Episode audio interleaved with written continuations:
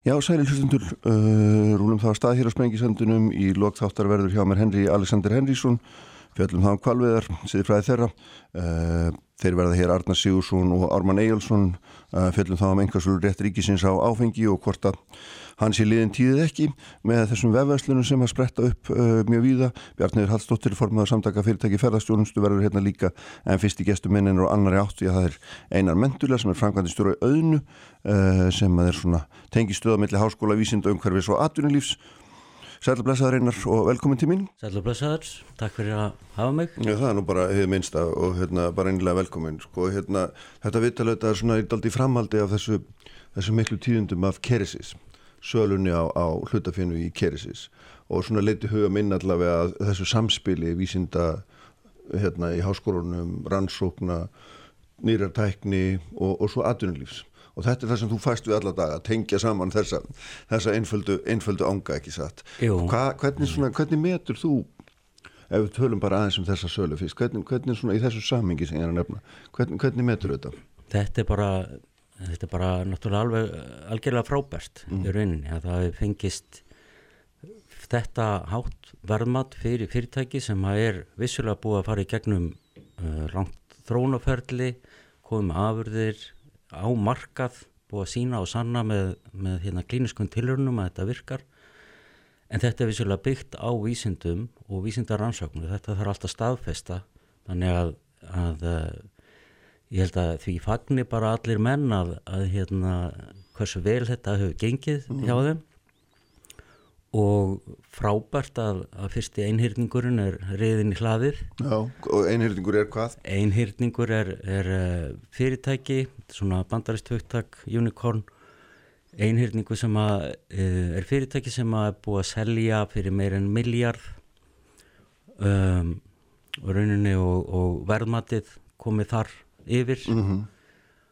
Bandarækjadala sem sé. Já, já Bandarækjadala sem, sem er staðan í, í þessu kerisistæmi mm, mm. þannig að það er bara algjörlega frábært og mikil kvartning fyrir alla í nýsköpunu og umhverfinu og ekki síst skemmtilegt að þetta er einmitt svona vísindaleg nýsköpun sem að hefur þarna skila sér og, og það er vissulega það sem við erum að reyna að íta undir og hjálpa vísindamönnum bæði á rannsóknustofnunum og háskólaumkörunu um, með verkefni að þau komist áfram út í samfélagið og mm -hmm. skapi vermaði þar. Mm -hmm. En þetta er langur, eins og nefnir, þetta er lang, hérna, þetta er oft lang leið og, og við erum alltaf þekkjum dæmi um fyrirtæki eins og til dæmis okkurlur sem nú, hefur líka verið fréttum nýverið, skráð á nastakmarkaðina við mann rétt, hérna fyrir skemstu Uh, uh, læknafyrirtæki sem hefur tekið marga áratýjur og verið að koma það sem það er komið þannig að þetta er, þetta er langu ferill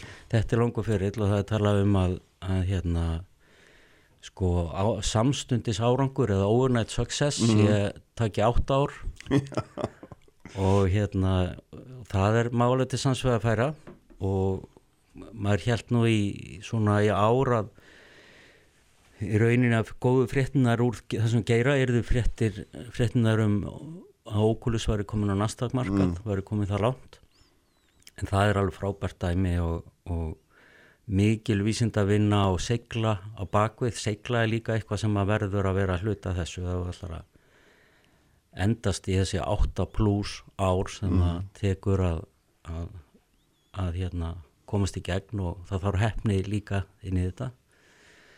En, en uh, Ókulus er einmitt svona frábært dæmi. Þarna er vísindamenn úr bæði Háskóla Íslands og Landsbítalanum eh, sem að starfa saman árum og já, má segja áratöðum saman um, að lausn sem að, sem að eh, getur skilað livjum í auga, í augbotna ánins að þurfa að koma með spröytu þannig að með aukdrópum að geta skilað inn livjum og það er svolítið áhugavert að þetta snertir þetta snertir svolítið sama marka á keresis mm -hmm. sem að er hérna þessi heimsfaraldur sem að er í rauninni yfirstandandi og snýr að sikursíki og þetta eru, má segja keresis og ókulus eru að, að mæta mismunandi vandamálum sem að uppkoma og það sem að sikursíki er valdurinn Mhm. þannig að, að sikursíki sjúklings geta orðið blindir og ókulis er að, að hérna, meðhandla og reyna að koma í veg fyrir það með því að, koma með livja ferjur sem að geta skilað betur augum, eh, livjum til augans. Og það eru ekki miklu fleiri sem að geta nýtt sér það. En, en þetta er allt þróað innan Háskóla Íslands með landsbítalans hjá landsbítalanum og það sem er virkilega skemmtilegt í því verkefni er að uh, landsbítalinn átti 5% hlut í ókólus í upphafi. Það sá hlutu þyntist síðan út en á ákvörnum tímapunkti þá selur landsbítalinn sinn hlut fær eh, fjármagn inn og það fjármagn hefur verið sett í sjóð innan landsbítalans til að styrkja vísendaransóknir annara innan landsbítalans þannig að þetta komið í heilan ring þarna að, að það eru komna tekjur af svona ný, vísindalegri nýsköpun sem er farin að flæða aftur inn í vísinda umhverfið og skila sér vonandi enn fleiri vísindalegum verkefnum Mm. og nýsköpun. Já, það sem er alltaf merkilegt í, í þessum, báðum, þessum dæmum báðum er auðvitað er svona er þessi hugmyndafræði um það að, að hætta að meta fyrirtæki til verðs eftir fastegnum og, og svona hvað maður að segja þess aftar svona fastum viðmiðum heldur að fara nú þarf að uh, meta teimið eða fólkið baki fyrst og hennst og svo þetta hugmyndina og, og, og þekkingun ekki og það er alltaf það sem að verið að kaupa í kerisist, það er verið að kaupa hugmynd, þekkingu uh, frekar en, en eitthvað svona hardcore Nákvæmlega. hluti sko. Er, og hvernig finnst þetta svona horfa við þessi breyting? þetta er náttúrulega bara samfélagsleg breyting. Þetta er byrtingamind þekkingasamfélagsins. þar sem að verðmæti liggja í þekkingunni, ekki í steinstipunni og ég held að flesti gerir sér grein fyrir því að húsnaði keresis á Ísafyrði er ekki 176 miljardar króna virði. Virð, verðmæti liggja í þekkingunni og, og hérna þróunastarfinu sem hefur átt sér stað og í engaleifunum og þekkingunni, hvernig þekkingin hefur verið venduð Mm. og ég hjó eftir því hérna í viðtali þínu við, við Guðmund Fertram hjá Geresis að hann þakkaði sérstaklega engalega lögfræðingum sínum sem að segir bara óbeint, beint eða óbeint Mm. hver verðmætin eru. Hann er að takka fyrir þá sem að eru að tryggja að verðmætin út frá þekkingu fyrirtækisins hafi verið venduð og, og þau eru alveg klárlega stór hluta því að það er einhver til í að borga svona mikið fyrir þekkingaverðmæti. Svo náttúrulega bara frábært að þetta gerir sér, er með höfustöður á Ísafyrði. Mm. Það sýnir bara hvað, þetta er bara stór, stór samfélagsleg breyting Já, við, við höfum þó maður sleppi kannski samgangna hlutanum að þá er ljósleðari líkur um allt land mm.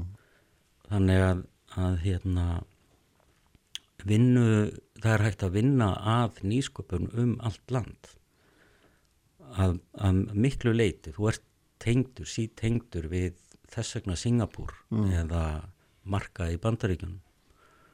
Þannig að, að hérna þetta er bara, ég myndi segja gerbreytt mynd og það er svo margt gerbreytt í þessu nýsköpunar umhverfi þetta er óþekkjarlegt landslag frá, frá því bara fyrir 20 árum síðan sem að var halgeri eyðimörk þá sem að ég og félagi mínir lögðum af stað út í þá eyðimörk. Já þegar þið stopnið orf, ekki satt? Jú, og hérna og það svona hafðist með svona smáskamtarlækningum á, á leiðinni í formi fjármaks sem að, sem að hreipaði inn en það má kannski segja það að, að hérna það að vera út í eðimörk að þá, þá kanta meta vatnið betur. Og við bárum mikla verðingu fyrir því fjármagnin sem að okkur var trist fyrir.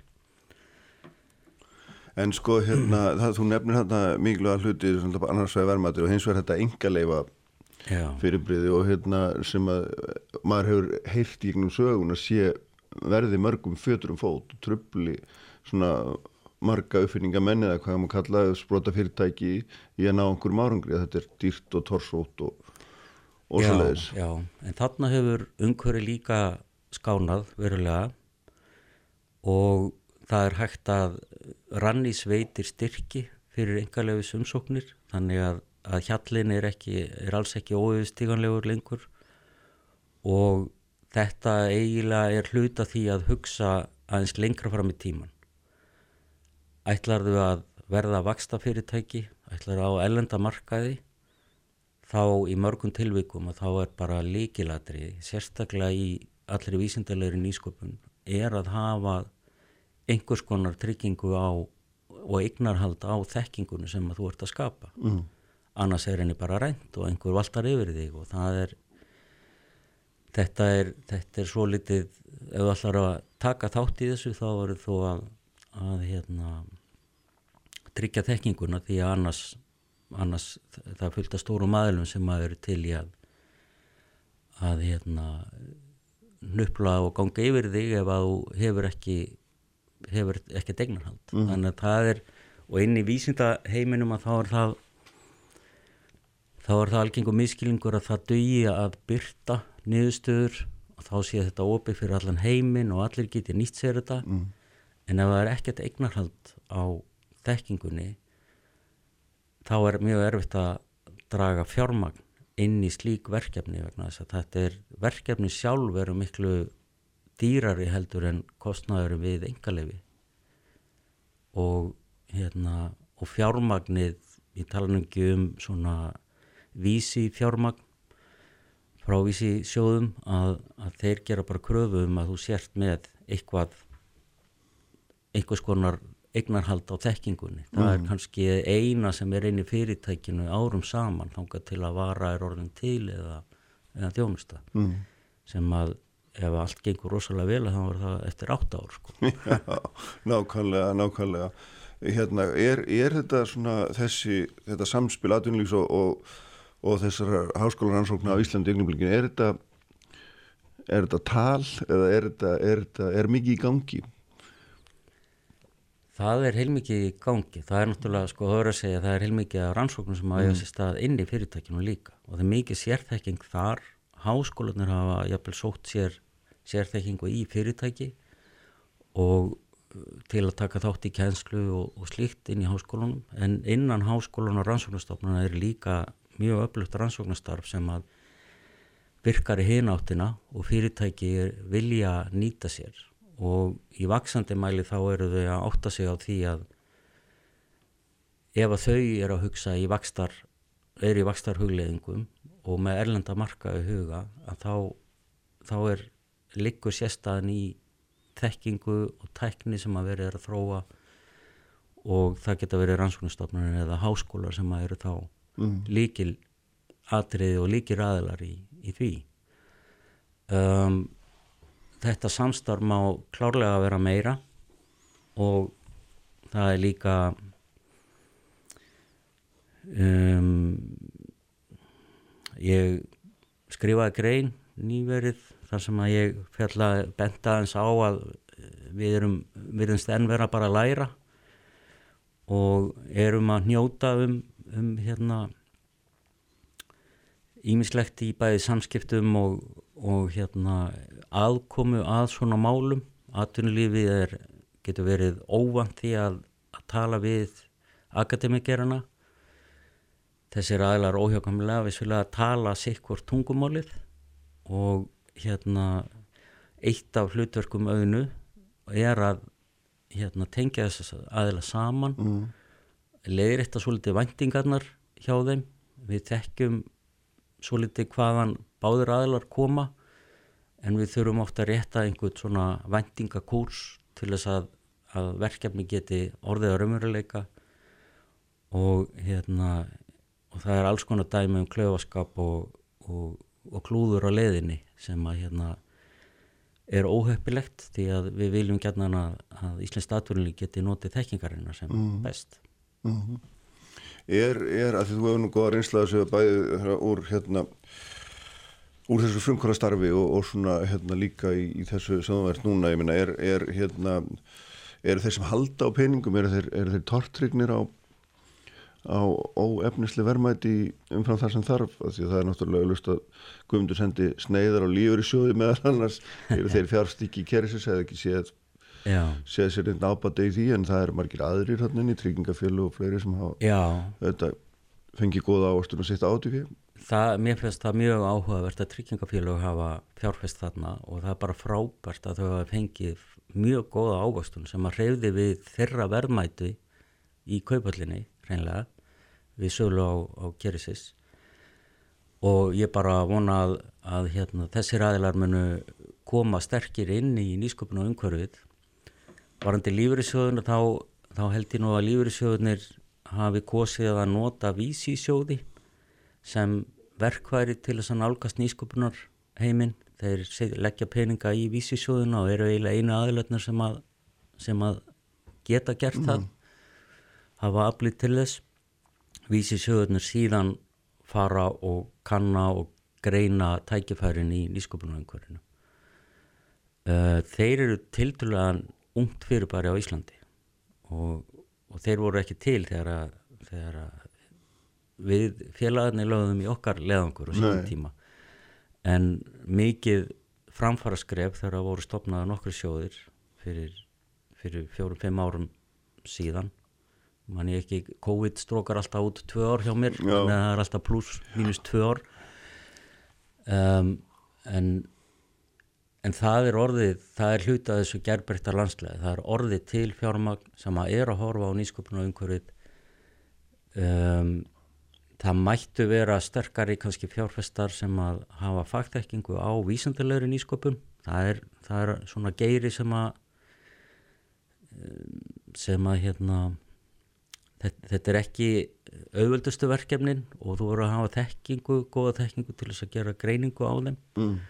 og við vonumst til þess að geta þá verið mönnum innan handar við slíka greiningu. Við gerum framkomum greiningar á verkefnum fyrir háskólana til þess að sem eru að reyna að leggja mata og er eitthvað hérna, ættu við að sækja um enga leifi kannski, er það þess virði? Og, og síðan hjálpum við til við að, að hérna, svona með ráðum varðandi praktiska hluti að stopna sprótafyrirtæki þannig að okkar markmið er að það verði til fleiri öflugi sprótar eins og Keresis, eins og Oculus eins og Nox Medical sem að er frábært svefbransóknarfyrirtæki því að við, við getum ekki verið alltaf að tala um össur og maræl í þessu, þetta eru hálrar aldar gömul fyrirtæki. Já, já, þó að þau séu alveg kvikk og, og virk í síni starfsemi að þá er er fullt af fyrirtækjum sem eru spennandi fyrirtækjum sem er á misland komin núna. Það eru spennandi fyrirtæki sem að menn er að hugleiða að stopna eða eru nýbúin að stopna sem að eru að koma úr þessu vísindaðumhverfi það er það er einhver vegur framundan og tími Mm. sem að hérna tekur en, en hérna mér finnst þetta umhverfi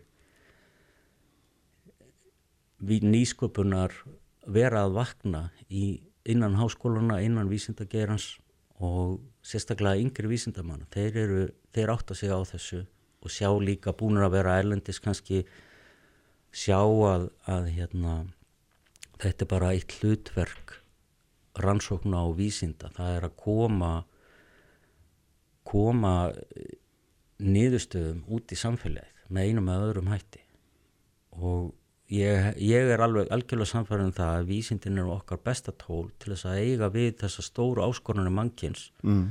sem eru lofslagsmálin og orkuskiptin heilbriðsmálin þetta er þú gerir þetta ekkert með einhverju hjávísindum eða kukli. Þetta er bara hardcore vísindið sem að þetta verður að byggja á. Annars förum við bara út í mýri með í öllum þessum Mm.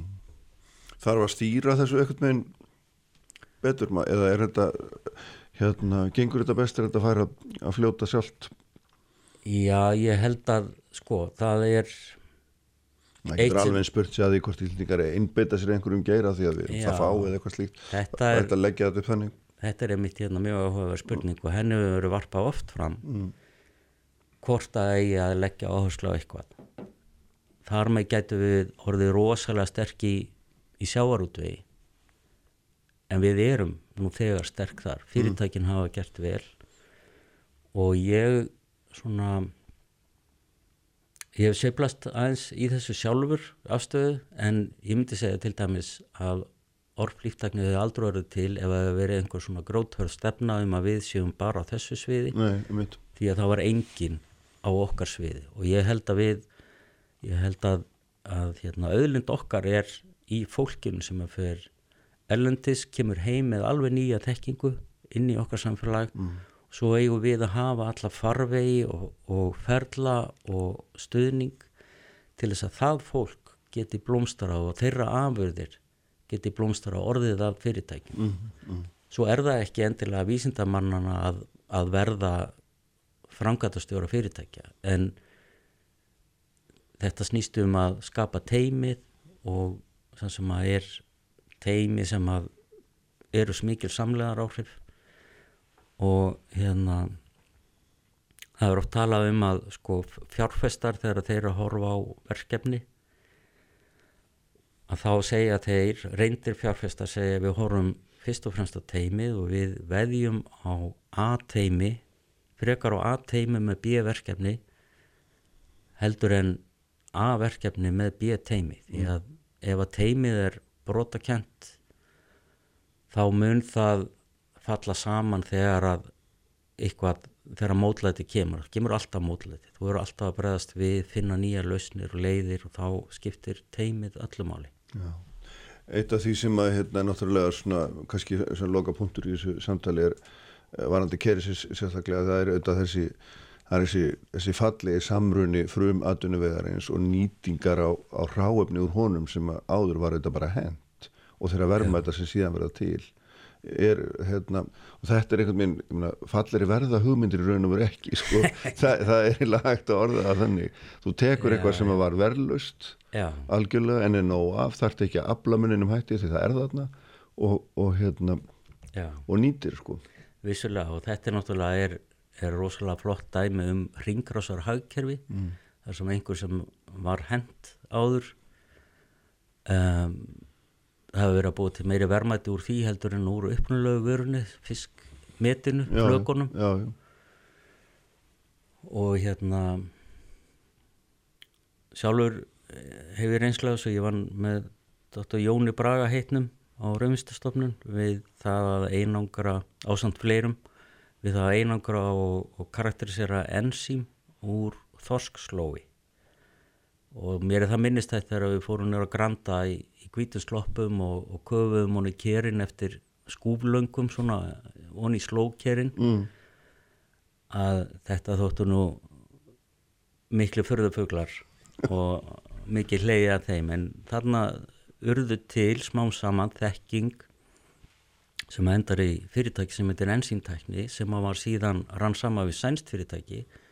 Og núna eru ensím úr þessum slókerjum sem að átti að henda komin í kaupöllina í Svíþjóð Mm. þannig að ég myndi segja að, að alveg eins og dæmi með Keresis eitthvað sem verið er að henda þekking, það er þekkingins og, og, og vísindi sem að staðfesta síðan hugmyndina sem að skapa einmitt þessi nýju verðmæti úr einhverju sem að mannum, mann höfði ekki huglitt áður. Það er snildin í þessu. Það, er, það er þetta stórkostlega. Og þarna liggja okkar tækifæri í því að verða ekki sko vera ekki háð háð ráefnum í formi keresi. Skumdu nefnir að, að það sé nóg til af, já, já, af róði sem Já, að hinga til hefur verið hend innan við prósent af heldarróði sem hann segist nýta.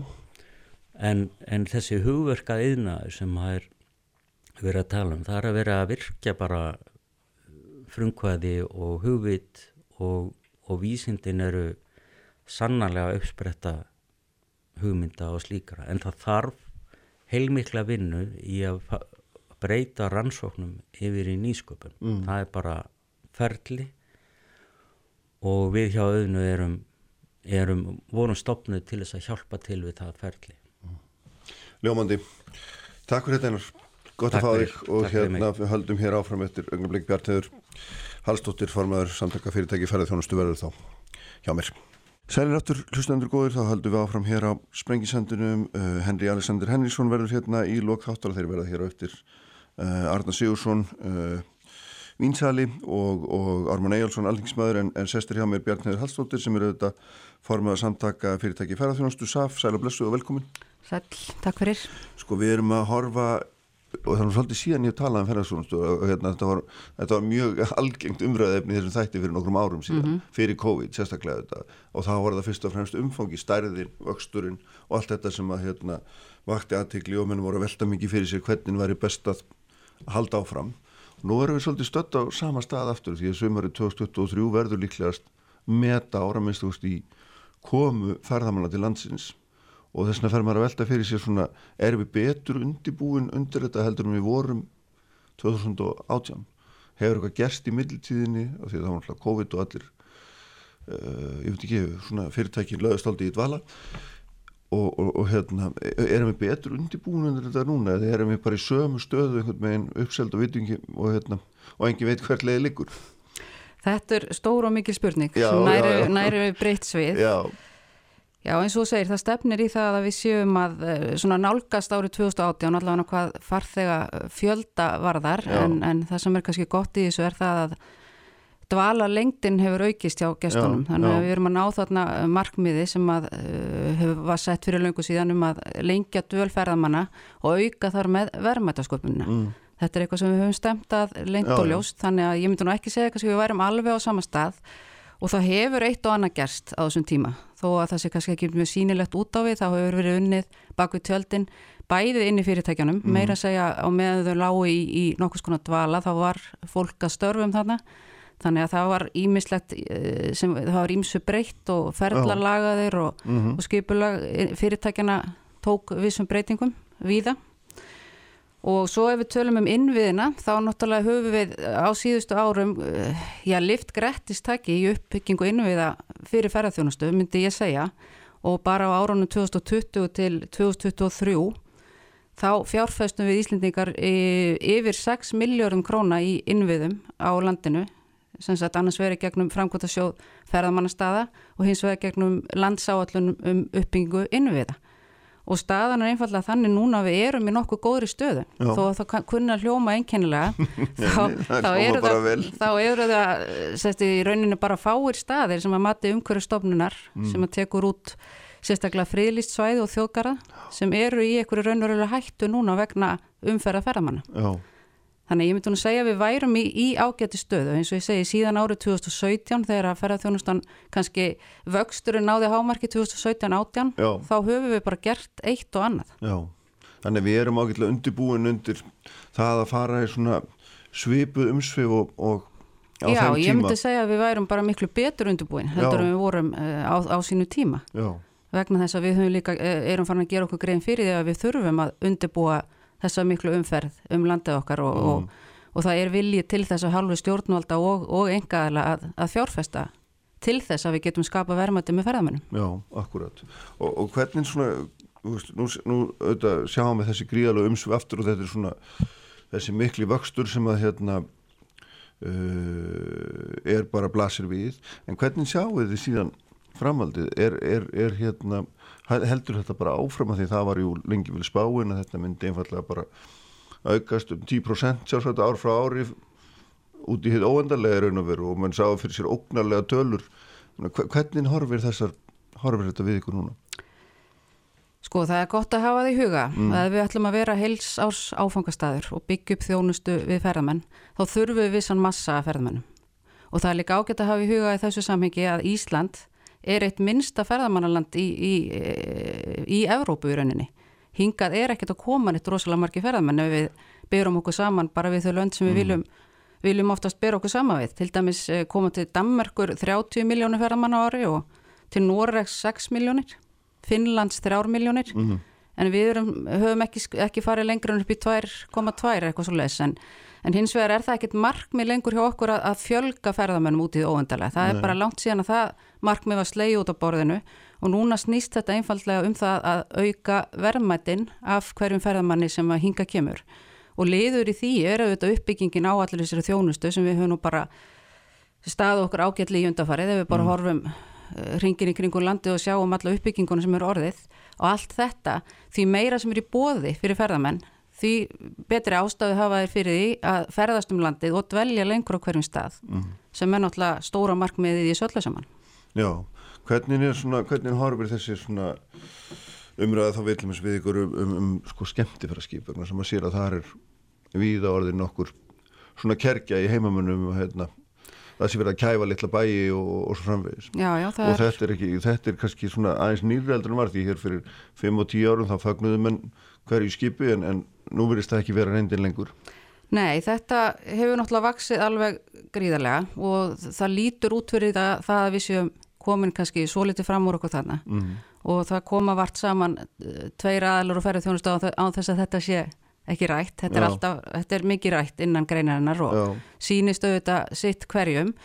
En málið er það að þetta er, þessu umfæð skemmtifæraskipa er í rauninni algjörlega undir einstökum sveitafélagum komið og einstökum hafnarstjórnum hafnarstjórum eða mm. stjórnum. Já. þannig að það, það er ekkert svona eitthvað alvald sem að stjórnar þessari umferð eins og, eins og staðan er núna. En menn veltaði fyrir sér hvort að þurfi að grípa til einhverja rástafana varðandi það. Mm. Og, og, og það er dæmi um sveitafélag sem hafa upp á sitt einstami gert það eins og til dæmis grundafjörður, þeir hafa takmarka núna eh, komið skemmtifjörðarskipa til sín. Ég held að ef ég manna það rétt þá hleypa þeir ekki fleirum en 4000 farþögum um borð eða í land já, já, sem er hellingur í sem er, sem er, sem er hellingur já En, en eins og ég segi, þetta er, þetta er alveg öruglega eitthvað sem við munum þurfa að takast á við á nástu missurum, það er, ég held að það sé engin spurning. En, en, en eins og þú nefnir þá er þetta undir fjölda fólks komið, er vera hver og einn hefur sitt eigið úrskurðavaldum það hvort hann tekur á móti hinn með þessum. Já, það er bara nákvæmlega þannig. Og hvernig hérna, þetta er líka hluta þessar eldri umröðu, það var aðkvæm miklu leiti á þetta að vera sjálfsbrottið og aðkvæm miklu leiti á einhvern veginn að vera einhver stýring á já, já. apparatinu. Þetta er, einmitt, þetta er bara hluti af þessu, þessari stýringar umræðu sem, sem líka já. er fyrirferða mikil í, um þessa myndir. Mm. og í, með tilliti til þess þá þurfum við náttúrulega að hugsa um heildarhagsmunni áfangastæðarins Íslands og hvað er best fyrir hann. Ég held að þurfum að nálgast þessa umræðu út frá þeim punkti og er, hvað er best fyrir áfangastæðin Ísland? Það, það er eftir því hvernig þú spyrð sko. en, Já, en ég held að við séum öll sammálum það að við þurfum að, að hafa einhvers konar stýringu, við þurfum að reyna að þetta er, þetta er guðmulumma en við þurfum að ná því að dreifa ferðamannunum betur Já. um landið. Þeir séu ekki allt og margir á sama stað á sama tíma og þess að þar og það er bara verkefni sem við stöndum fram með fyrir akkurat núna og uh, það þá geta komin á það það er akkurat verið að vinna núna aðgerðar áallun við stefnumótun á vegum ferramálur ráðanetisins sem einmitt er að taka á þessum stóru spurningum og ég bind mikla rónir mm -hmm. við þá vinnu og, og það verður kynnt núna á haustmánuðum aðgerða áallun semst í ferraþjónustu mm -hmm. til 2030 Þannig að það er aldrei að vita einhvers konar, einhvers konar hérna stýringu, fjöldatakmörkunum Já, bara öll þessi aðkallandi mál sem að ferða þjónustan stendur fram með fyrir núna. En mér finnst þetta svona tíu, síðustu tíu árum það hef ég svona upplöðað all margar svona skýslur, aðgerða allanir stjórnstöðu ferðamála já, og svo framvís og framvís en emmitt upp úr stjórnstöðu ferðamála þá já. spratt þessi vinn á sínum tíma hún já. var hafin af Þúrtísi Kolbrúnus uh, Reykjör sem mm. þá var ferðamálar á þeirra mm. síðan lagðist þetta verkefni dvala í COVID eins og, eins og margt annað en var tekið upp aftur núna í, fyrir skömmu síðan af Lilju Alfredsdóttur núverendi ferðamálar á þeirra og mér, þetta lítur vel út þannig að ég gerir mig vonur um að þetta verði plagg sem fyrir ekki hún í skúfu eins og öll hinn Já, hefur það verið nýndin og þau hafa endað þar? Já, já, það er náttúrulega búið að gera alls, alls konar áallanir og stefnumótanir mm. í gegnum tíðina. Ég tók nú sjálf þátt í slíkri vinnu fyrir 30 árum sem var já. mjög góð en, en hún fór því mjög beint hún í skúfu. Já. En, en eh, við megum ekki láta þess að fara hún í skúfu. Það er einfallega of mm. mörg að, aðkallandi mál fyrir greinina núna. En það sem þú ert að nefna með sko það að hérna, horfa heildarhagsminni annars vegar og hins vegar það að síðan eru auðvitað hundruður og þúsundur af aðlum í ferðarþjónustu sem hver eru auðvitað að reyna að gera það besta fyrir sig. Já, já. Það, það liggur alveg ljóst fyrir já, og það er ekki endilega vist að hagsmunir heldarinnar eins og það er hortað á ofanfrá passi við hagsmunir. Nei, nei, Meina, þú myndur ekki vilja láta segja þér með þitt fyrirtæki hérna, þú mótt bara flytja inn x marga ferðamenn á ári og Nei, nei, hérna og þú ert að tala um það- einhvers konar kvóta Já, já, nei, ég, já, bara já. segja, einhver stað verður, í einhverju kemur stýringin fram Ég- sem að skerðir hlut já, einhverja, já, ekki sant? ég átta mig á því sko, þetta er en það þarf samt einhverja stefnu Já, sem að þá uh, fyrirtækin þurfa náttúrulega að taka þátt í að móta sem er náttúrulega raunin núna, það eru hagsmun aðlega sem taka þátt í þessari vinnu og, og fá að leggja sitt inn. Og ég held að held að þeir sem einmitt þeir sem reka ferðarþjónustu fyrirtæki, þeir átta sig alveg á þessu að við getum ekki bara, getum ekki allir gert bara það sem við sýnist endalust sko. nei, akkurat að því að við þurfum að halda þessari vöru sem er áfangastæðurinn Ísland, hún þarf að vera í lægi Já. Til framtíðar. Já, já, akkurat, það er auðvitað stóra spurningin hvernig, hvernig henni verður best við haldið, ekki satt og sérstaklega núna fengum við þessi tvö ár til svona umþóttunar getur maður haldið og Já, já. sem maður auðvitað svona svolítið að fiska eftir í hvort að þó að hérna, fyrirtækin hafi leiði dvalað einhver leiti í hefbundinni starfsemi, hvort að tíminn hafi verið nýttur til þess að svona hugsa þessi mál Já, það, eitthvað, eitthvað meira heldur en hérna heldur en áður já, já. Ég held að það sé, sé þannig, hvort sem það var meðvitað og ómeðvitað, þá, Mm. þá er svona daldið öðru þessi hugsunháttu núna eftir að faraldurinn, faraldurinn lauk. En Ég maður sér það ekki í þessum tölum, það er virðast bara að vera á sömu leið og áður, bara fjölgun, fjölgun, fjölgun og hérna aukning umsviða en, en Já, eins og, ég, eins og ég sagði á þann, sko, fjölgun, fjölgun, við þurfum ákveðin fjölda já, já, til já, þess að geta rekið þessa grein á arbæran hátt. mm, En markmiði núna er að auka verðmætin já, og það er allir samstíga í því. já, Þannig að það er aðeins orðið svona, eh, sem ég segi, mm, það hefur fæst aðeins til fókusin. já og allir eru með á því Ég held að séu, já, allir þeir sem fylgjast með, já.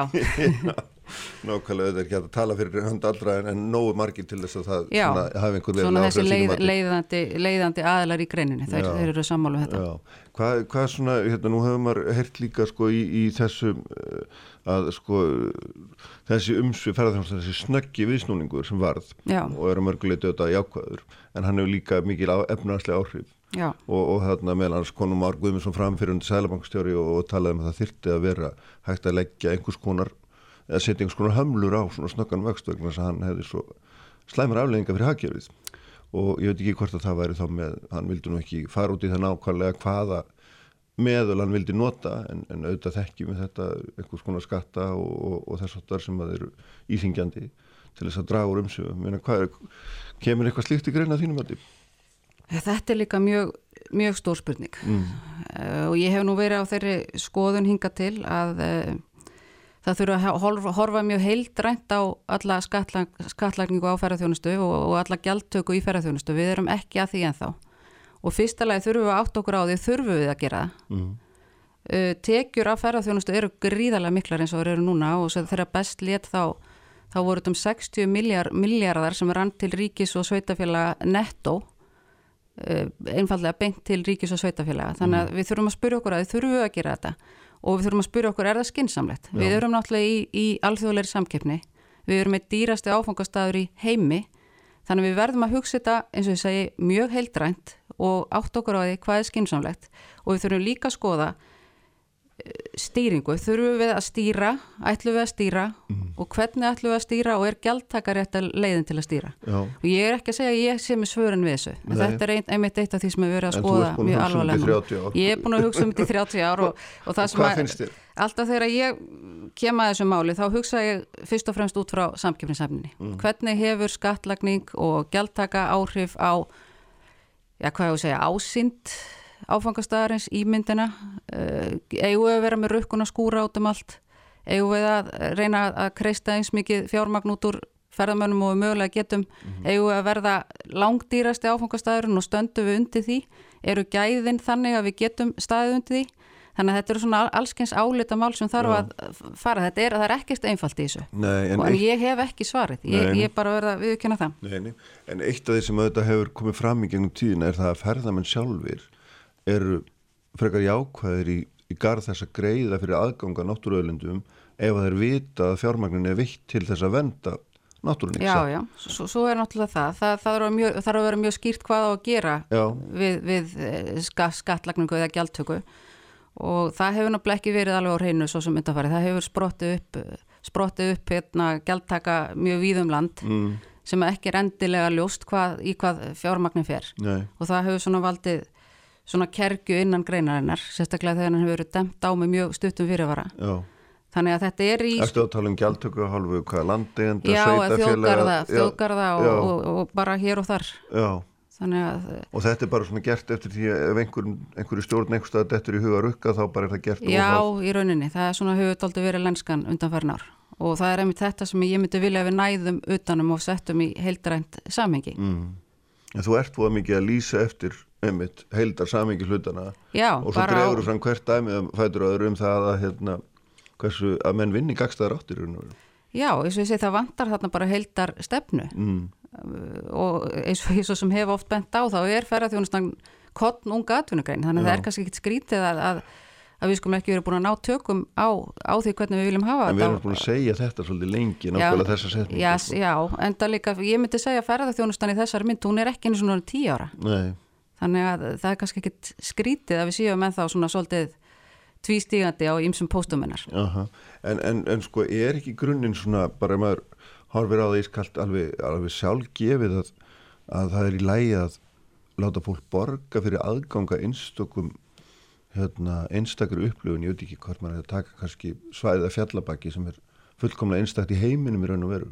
Er ekki bara svo óskup eðlilegt að fólk greiði eitthvað fyrir að sjá þetta Það, get, það getur bara vel verið og Já. ef það náttúrulega er einhver aðstæða já, já, sem er búið að byggja upp, einhverjir Já. innviðir sem að, sem að fólk er þá að borga fyrir afnóta. já, já Það, það, en fólk er að borga vera. fyrir afnóta því að ganga um svæði það er búið að búa þar til allskins aðstöðu, göngustíga hérna, og guðma vita hvað til þess að greiða fólki leið Já, í já. gegnum svæði Já, já. ég meina, Jú, er ekki óskup eðlilegt að menn- menn borgi fyrir aðganga þessari náttúrulega ég, nei, ég er svona Ég, spyrjum ég segi, það má bara vel vera. Þetta Já. er bara eitthvað sem við höfum ekki kannski rannsaka nógu vel eða farið nógu vel ofin saumana Mm. á og búið okkur saman líka við aðra þjóðir hvað þetta varðar. Svo ég bendi aftur á samkeppnishæfnina. Já, en eins og ég segi, þetta er flóki mál og Já. eitthvað sem við þurfum að skoða bara mjög vel og, og setja þetta í samhengi við okkar markmið líka. Já, já, akkurat. Hvað viljum við fá út úr ferðarþjónustunum já, já, já, sjálfsögðu. Ég meina samkjöfnishæfnin fælst náttúrulega líka þetta aldrei í verðlægi hún fel, felst því miður mjög mikið í Já, verðlagi og við sjáum að hérna, ef einhverjum auðnast að fara út að borða í miðborg augnablikjuna það getur ekki verið aðlaðandi fyrir ferðamenn að gera það, ég held við hljótum að geta verið sammála um það í augnablikjunu Já, með, það, með það það svona, var Mm. svona fer eftir í hvernig, hvernig gæðin er og svona Já. ég held að við séum nú að bjóða upp ágætis uh, mat og þjónustu Já, í já, ég er ekki miðborginni. að halda öðru fram sko Nei, en, en eins og ég segi, þetta, það, þetta, er allt, þetta er allt að skoða í samiki Já, akkurat. Að því við erum komin aðeins inn í höfuborgina svona hérna kannski rétt í, í, í lokin sko að hérna að ég meina það það er þetta sko sjáum þetta, og sáum það þetta fyrir áður og líka að hvað ferðarþjónustan er, getur verið sterkur áhrifavaldur í, í nærsamfélaginu. Mhm. þegar hún verður mjög stór og mjög áberandi þá verður líka þjónusta við þá sem að nýta ferðarþjónustu mjög áberandi. Og, og, auðvitað hefur þetta breytt miðborg þessari einu borgar sem við eigum mjög mikið, Já, ekki satt? Jú, og er þetta ekki hluti af einhverju svona er ekki að ræða þetta líka í, í einhverju svona, þegar þú ert að skoða einhverju heildamynda því hvers konar áhrif ferðarþjónastar með hlaða vegna þess að ef ég maður rétt svo ég maður sem nú hérna, að frá mér allt vita að þá er líka eitt af því sem hefur komið fram í konunum að fólk vil sækja heimamenn heim, það vil ekki bara sækja aðra ferðamenn heim skilur við, að þú áttur hvað ég er að fara. Já, já, ferðamenn eru náttúrulega komnir hinga til að upplifa Ísland og íslenska Já, já, menningu. Já, og það má náttúrulega deilum það hvað ferðarþjónustan hefur gert eh, já, hver áhrif hennar er í miðborginni það er hægt að horfa á það með Mm. glerofum já, mjög jákvæðum líka mjög jákvæðum glerofum en, en eh, auðvitað lítur þetta líka snú, snúast um borgarskipulæð og, Mm. og það hvernig borgar yfirvöld kjósa að, að já, hvað ég segja, útdeila gæ- gæðum miðborgarinnar Mm. en ég held svona heilt yfir þá hljóti hljóti bara uh, miðborgin að hafa frekar hagnast á, á þessum ferðamennum frekar en hitt hún er allavega orðin lífileg miðborgin sem hún var kannski ekki fyrir 10-15 ára já, það er alveg hárið og, og við getum líka komið inn á það að, eh, að því við erum að tala um ánægu ferðamenn og hvað þeir eru að upplifa já, já. þá finnst mér alveg ástæða til að koma inn á það að, að ánægu ferðamanna er mælt með svo, svo kallari net promoter score sem meðmæla skor mm og þar eru við að skora einna hæst í heiminum já, og meiri segja og meðan við vorum að vaksa og vorum í öllum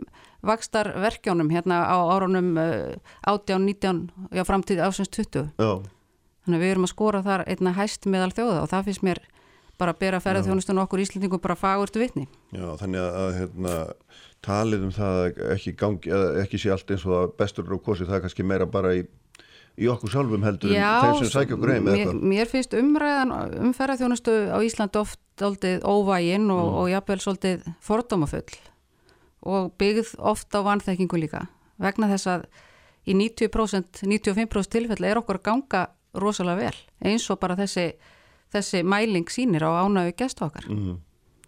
og nú viljum við náttúrulega líka það sem er mjög mikilvægt það er náttúrulega Íslendingar séu í ákvæðir í gargreinarinnar og átti sig á þýðingunar fyrir, fyrir samfélagið og þeir hafa verið það hinga til frábærir gæstgjafar og, og þjóðin er náttúrulega þáttakandi í ferðarþjónustunni hvort sem hún vill það eða vill ekki mm.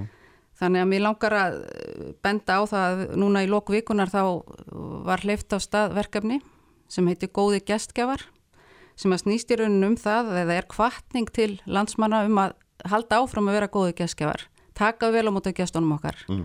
Leiðbeina þeim ef, ef með þarf aðstofa þá ef eitthvað kemur upp og hafa það í huga að við sem Íslendingar og gestgjafar við erum að taka þátt í því að gera sagt, mikilvægustu daga gest á okkar að einstakru upplifun. Já. Þannig að þetta er hérna verkefni sem er í samfunum við ferðamálastofu og ferðamálaráðunetið, markastofur landslutana og íslenska ferðarklassan og ég hvet bara alla til að fara inn á heimasíðuna góðigeskjáar.is og mm. Kynna sér þetta og taka þátt. Já, komur svo fallega fram við þá sem heimsækja. Mm. Já, það er stórt aðrið. Já, ljómandi. Heyrðu, þetta verður frólitt að sjá hérna, hvernig þetta hvernig þessu vindur öllu fram en það er svona ótt að segja að það sé hérna, það er ekki öllu leiti uh, hvað maður að segja, það er, það er mörguleiti líkt það sem var 2018 og núna þýlitinu til að það er ennþá svona verið að horfa eftir einhverju, einhverju heldasín Heldasínin er aðalmálið. Já, ljómandi, bestu þakki fyrir að koma. Takk fyrir. Og þeir verða hérna hjá mér Arnar uh, Sigursson og Arman Ejjálsson eftir augnablikka Sælir aftur hlustendur, uh, höldum þá hér áfram sem leiði líkur á Spengisandunum, Bjarnir Hallstóttir, formaður samtaka fyrirtæki ferðarþjónustum, SAF, fannin frá mér, uh, Henri Alexander Henningsson verður hér í lokþáttarfjöllum þá um þetta umdelda fyrirbriði fagráðum velferð dýra sem svo mjög hefur verið í fréttum en kannski fæstir vita nákvæmlega hvað, hvað gerir en ég ætla að fjalla núna um fyrirkomulega og sölu áfengis, Arna Sigursson er hérna hjá mér stofnandi og frangandistjóri Sandi, vín innflytjandi, vínkaupmaður, sælblessaður Arnar og velkomin. Já, takk fyrir. Egilur Armarsson, aldingismæður í símanum Vestana fjörðum, sætla blessaður Egilur Já, sætla blessaður. Sko, hérna, byrjum á því uh, byrjum á atbyrðið sem að varði í Svíþjóð uh, núna fyrir skemstu, hérna Arnar. Þar, þar uh, úrskurðaði hæstur réttu Svíþjóðar að danski netvæslun sem heitir Winefinder sé heimilt að selja vín til viðskiptafinu síðþjóð þrátt fyrir enga rétt sænsku ríkisveslurinnar systembólagið uh, og hérna þetta er náttúrulega bara nákvæmlega það sama og við erum að horfa á hér ekki satt? Þannig er sænst fyrirtæki skráð í Danmörku sem að selur í gegnum vefin uh, hérna, og þarna hafa mann verið að láta reyna á það er það ekki hvort að raun og veru ríkis einangun standist lög Jú, jú, alveg har rétt, þetta er raun og verið mjög sambarilegt og, og, hérna, og okkar uppsetning. Nú, uh, lögin í Svíþjóð eru svona pínulítið stífari þó heldur en hér, þess að þau eru frekar gloppótt eins og reyndar kom fram í uh, áliti sem að átíðaferðlétnum gera fyrir sig 2014 þar sem að uh, niðurstaðan var að, að það, ef til þess kæmi að það einhver myndi nú að opna neðvæslun með áfengi á Íslandi þá væri lögin uh, þannig að þau uh, fyrirbyðu það ekki sko. það, væri, mm. væri, það væri ekkert ólöglegt við það og þetta er náttúrulega svolítið á skjön við málflutning Ejuls og fleiri sem að hafa fullirt það að hérna að starfsemi eins og okkar sé ólögleg og, og hérna sem hún augljóslega er ekki og, og, og til dæmis er ekki þarna en það líka svo sem búið að fara í átíðaferð búið að fara í góðnurhlaup með hérna og verja 20 miljóna almenna fyrir í dómsmál eða sem fór í sérst í engamál uh, út af þessu og, og, og, og töpuðu því á, á, á sérst öllum málsástaðum 7-0 sko mm -hmm. í, í hérna í hérastómi sko. Já, það sem er náttúrulega gest hérna Ejólfur sko er að, er að það eru komnar á Íslandi held ég nýju frekar en tíu vefverslanir með áfengi og ég hérna sá um dagina einn þeirra auglisti það ofinbarlega hún kæmi með vín heima dyrir með fólki og mætti bara ekki auglisa það og þetta er bara skildi sem er á svona flettskildi við, við göttum þannig að þarna, það er eitthvað að breytast í þessu ánþess þó að lögunum sé breykt en þú hefur verið uh, hefur fullir það að lögin séu skýrum það að áfengi sala sé aðeins heimil íslenska ríkinu á Íslandi óháð því hvaða fyrirkomulega er notað, ekki satt? Já, já, mikið óskum sko, ég, ég er ekki dómstól eða bara mín skoðun. Mm. og þannig að ég dæn ekki lögin. En, en varandi dómsmálið átíðaferð þá var það þeir var vísa frá að formsaldri þeir var vísa frá út að átíðaferð hafði ekki aðvild að málunni átíðaferð er bara hlut á ríkinu. Þannig að það, bara, þannig að það var vísa, vísa það var, það var ekki tekið efnislega málunni þar.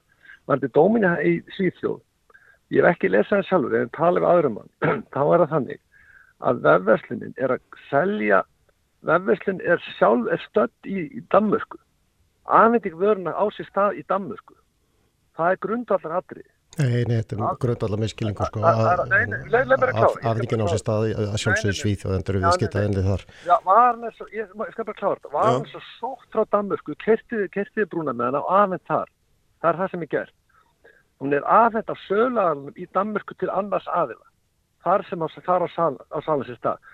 Og varðandi áfengisleik, Íslenska ríkið er búin að hefa enga leifi á sölu, smásölu áfengis síðan 1922. Við vorum ekki núna þessu síðasta þingi, þetta er þinginu þar undan, þá er alþygg Íslendinga að samþykja lög um að leifa smásölu til handvæðsbrukus í, í kynningaskinni, mjög litlu magni. Á hverju vorum við að gera það? Jú, það er að því að Íslenska ríki er með enga leifi á smásölu. Alþingi hefur aldrei farið að samþykja lögum það að handvæðsbrukus fær að, að, fær að selja smásölu mjög litla skamta í kynningaskinni Ha, ef það væri, væri, væri, væri búið að opna, opna allar gáttir á þessu svið. Það er ekki búið að gera. Annað í þessu líka er það að vef, vefverslun er smásáða. Það er ekkit nýtt að vera að selja fjarsölu áfengi á Íslandi. Ég er stattur núna í Arnafyrði. Þar ringdu bændurinn til ríkisins, pöntuðu áfengi, sóttu á póstus.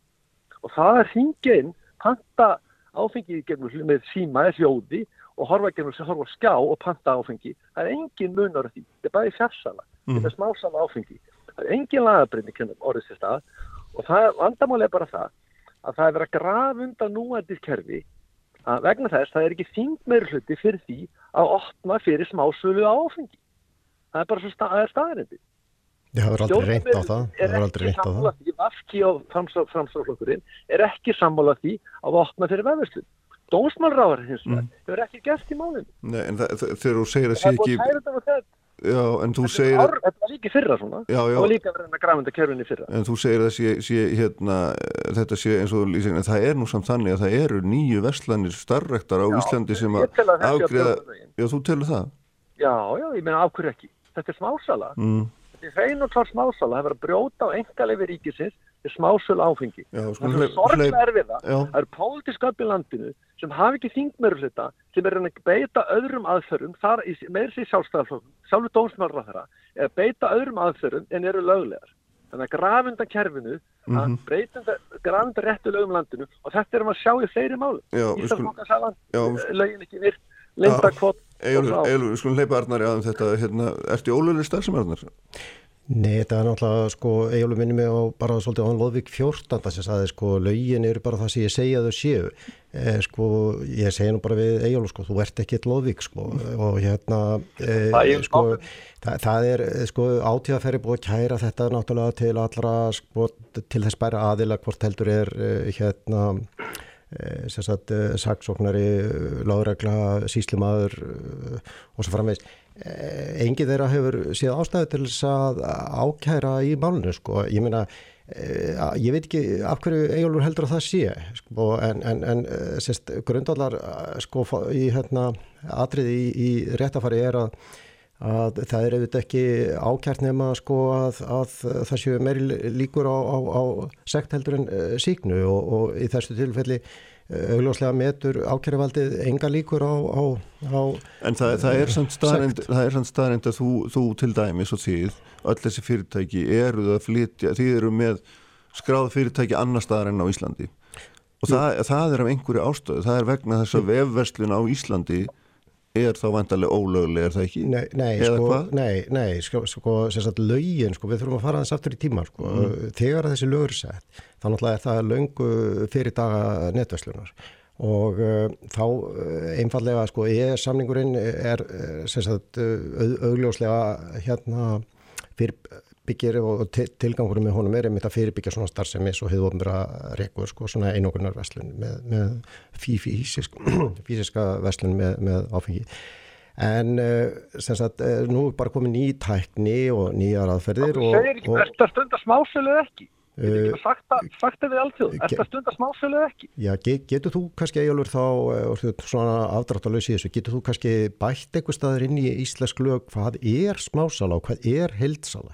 Smásala er það, þegar neytenda er aðmett vara. Hildsala er þegar fluttin í miklu magni. Já, já, ok, þannig, þannig að ef að ef að heildsali ef að heildsali flytur inn vöru og afhendir neytanda þá var það sérst ekki smásala. Sko, ég, ég minna, já, já, þetta er þetta er, þetta er Sko, en, sko það er hvergi í íslensku lögum eitnin eitt, nein lögskýring til um hvað heildveslun og hvað smásala er. Mm -hmm. Það er endar eitt dómsmál sem er núna fyrir landsetti um slíkt, slík áleitamál en, en, en þa þa þetta er nú kannski góð byrjun. Sko hérna nú sem betur fyrr sem betur fyrr þá búið þá búið við þannig í landi að, að hér er uh, all leift nema þessi sérstaklega bannað.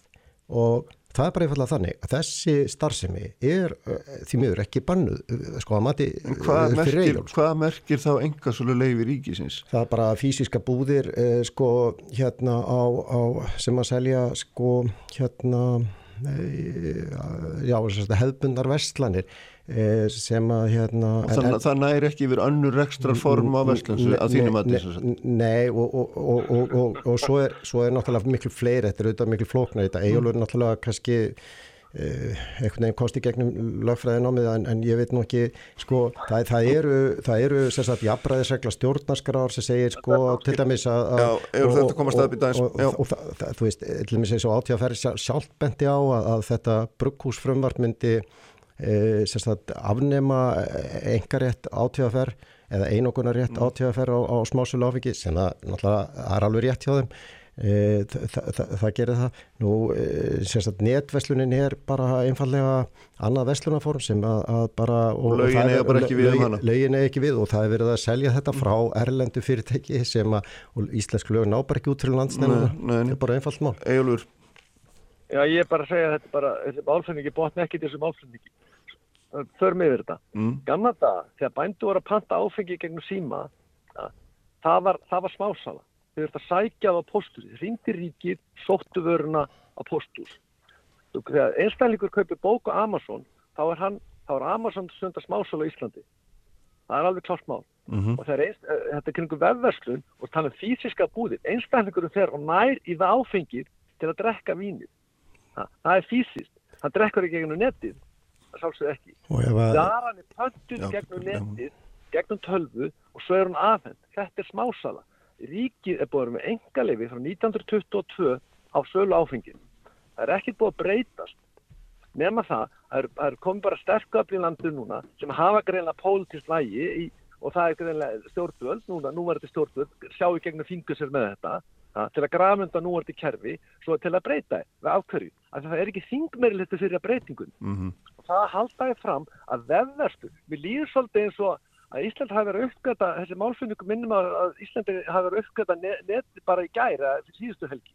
Þetta er búin að vera núna síminn er búin að vera, farsíminn sem ég er að pæli núna er búin að vera fyrir 2007 neti er áratöga gaman það veit allir út af, hvað það gengur. Það stundur smásáli gegnum neti það er það sem við gera Íslenska ríki er með enga leiði til másum. Mhm.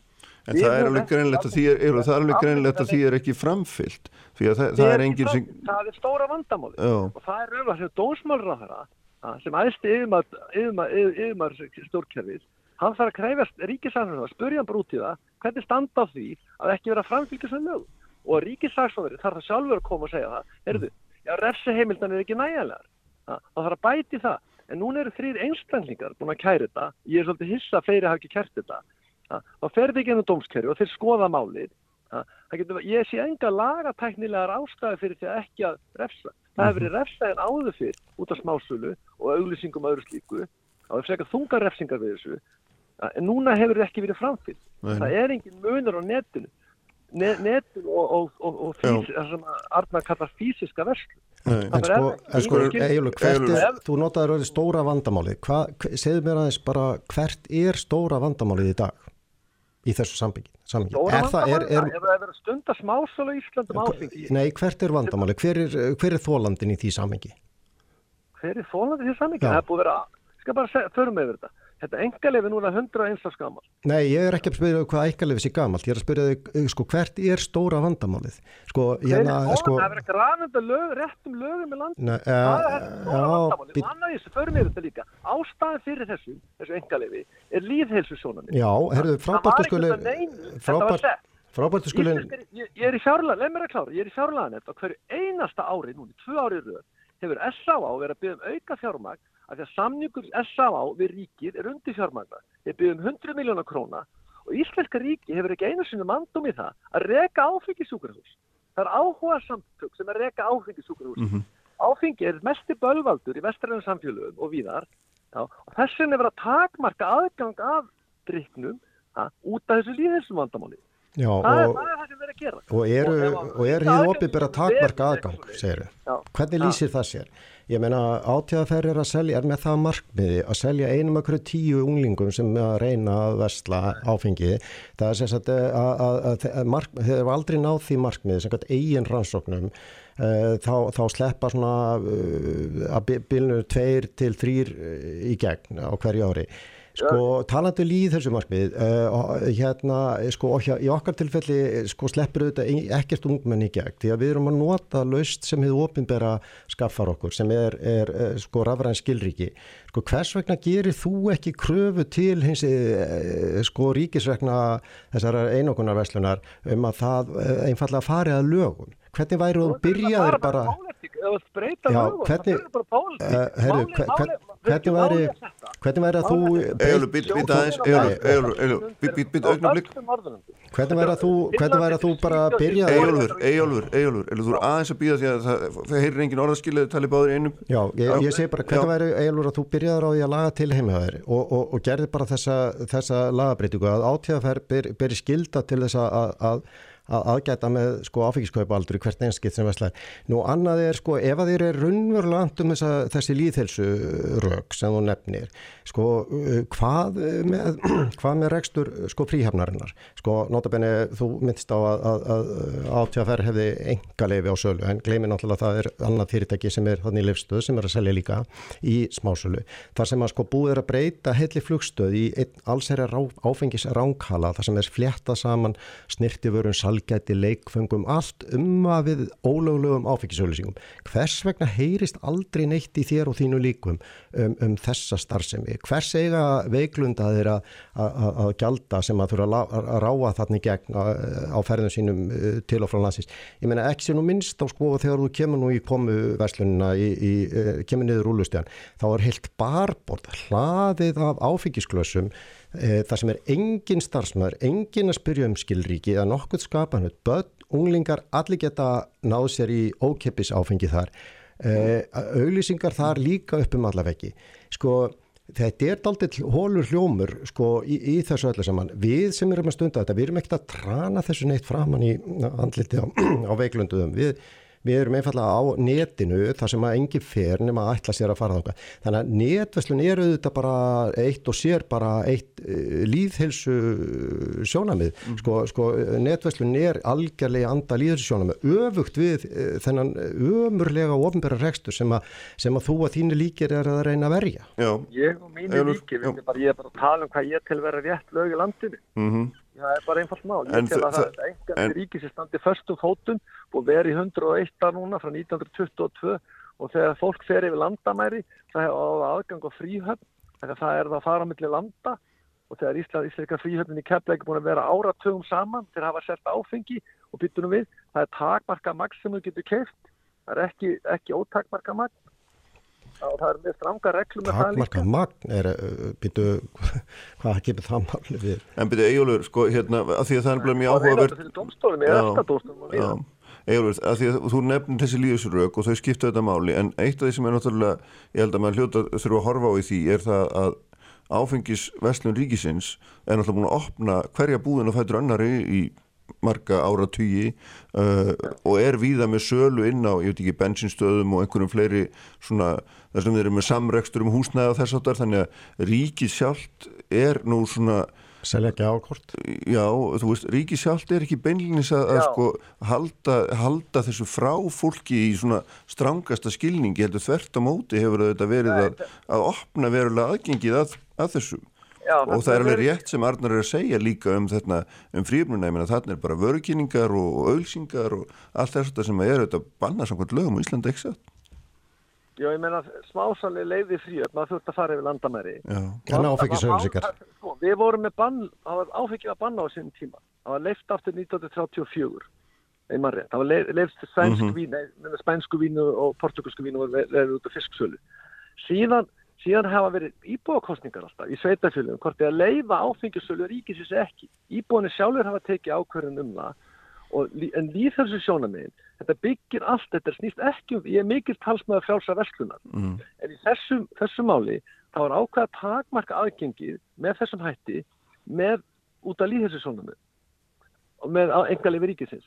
Og ég var nú, ég var nú vann í fjármálraðundinu e, á sínum tíma, þá var verið að velja átífa þær fyrirtæki, ríkisfyrirtæki ársins á hverju, að þeir hafa haft stefni marga áratí um að reyna að breyta vínmendingu á Íslandi til þess betra. og það held ég, það hafi tekist að mörgu leiti er líka verið áður en uh, víða, fólk er farið að reyta meira víns og annars líkt ekki að bjórin kom. Að- þannig að þetta, þetta, þessi stjórnun hefur, hefur haft góð áhrif á mörgu leiti og við drikkjar uh, magn á mann á Íslandi er mjög lágt. Bæði unlingadrykja og líka Mhm. per á, áfengismagn á mann. Þannig að við höfum að halda því. Þetta kerfi hefur verið ágætt. Það er stuðlaða fýtnil í þessu og, við, og þannig að árangurinn er góður. Þannig að við, það er, algjör, það er engin rök fyrir því að breyta kerfinu nema, jú það má segja það ok, það að breyta vegna vegna, vegna þess að hérna frjálsum verslun, það er gríðælið hagsmunum á baki, það eru miljardar á baki þannig að það er miklu betra að tala þetta út frá því. Hvor megin eru þessi miljardar heldur þið? Miljardarnir núna, að þegar ríki stjórnar þessu, þá er minni sala af áfengi en þetta. Nei, nei, nei, nei, það er ekki minni sala. Það er. Það er ekkit minni sala. Þannig Og- að ef og- þetta verður gefið algjörlega frálst, þá munum vera algjör sprenging. Og ég skal að- aðeins, í sjálfu frál, í landir í, í frels bandríkjónum, þá er, þá er mjög mörg ríki sem eru með ríkisengarsölu. Þessi 14 ríki bandaríkjana sem eru með ríkisengarsölu. Þau eru líka með svona le, le, leifiskerfi, state liquor stores eins og í Pennsylvania, þannig að það er þessi stjórna mjög ríki Mhm. bandaríkjum. Þetta er ekki bara Norðurlöndi. Já, já, ekkert sem að síni fram á að það hafi skilað einu en einu sko reyndar. En, en, en það er nú einu sagendileg engin tollgæsla og engin tolla afgræsla milli fylgja í bandryggjum en, en sko eiginlega myndist á hana miljardar sko. Ég meina, eh, horfum aðeins á rekstur átíðaferð, þetta er eh, tæplega sko 50 miljardar velta. Og eh, semst að það er engin stjórnum fyrir þessu fyrirtæki það er bara einn fórstjóri og eh, eh, hérna, nei, nei, nei, nei fjármálaráðherra bara stjórnar engu þarna. Og, eh, og eh, sem sagt, eh, þetta, þarna eins og við erum náttúrulega búin að sína fram á þá er verðlag þarna 20% of hátt. Og uh, það er bara enga smá tölur. Ef að sko áfengislutin af, af rekstri átöðaferð er kannski 32-4 miljardar eitthvað svo leiðis að uh, þá er bara 20% þetta er bara hátt í 10 miljardar En er það ekki að- hluti af þessari líðhelsu stefnu að hafa þetta dýrt? að hafa þetta dýrt, jú, en, en, en akkur er þetta dýrt? Eh, Þetta er dýrt af því að sko það eru heilsalarnir sem stýra verðlagningunni í búðinni, þegar að búðunum, þegar að sko fórstöru var nú spurður einhver tíman að því uh, hérna, af hverju verði væri svona miklu herra í átíða ferð heldur en uh, hjá Sandi og og, og, og að, að hérna þá var svarið, já, átíðaferð skiptir sér ekki að verðum, það er ákveðið heilsölu Mhm. og það þarna liggja nefnilega sko hagsmunni sem eigjálfur er að verja.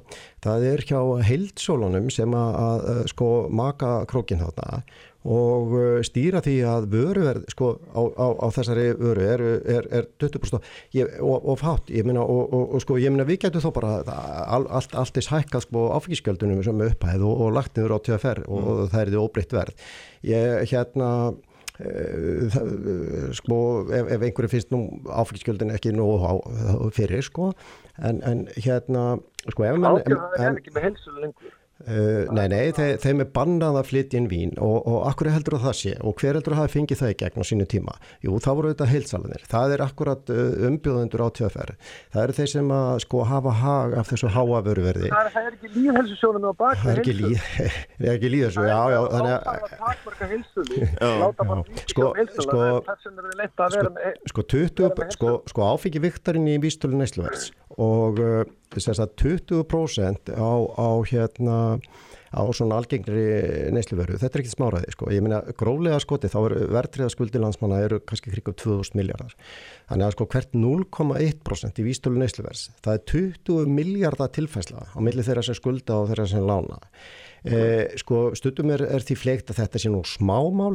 Já sko, já hver eru þá stórumálin aftur? uh, sko eh, ég meina ef að, ef að sko, ef að við erum að tala um uh, sko algenga neysluður sem að bara, bara augljóslega og allir geta bara uh, gert bara verðsamabörð við getum tekið bara sömu vörur algenga bjórtegundir að hérna þá fá menn sko fjórðukippuna frítt hjá okkur og, og, og hérna og jafnvel alveg upp í 40% verðnum Mm. Og, og, er þetta bara telur alveg og þetta afturhald sem að Eyjólfur er að að verja hér Mm. sem að minnir auðvitað bara á bara hvernig grænmitisveslun, það var einokunar veslun með grænmiti og, og kollakolli þú veist, sko, sko frelsið hygglar alltaf sko mörgum á kostna farra Mhm. en helsið hygglar fáum á kostna margra Mhm. Já. það er akkur það sem við höfum Já, bara sko, verði, verði verða áfengi,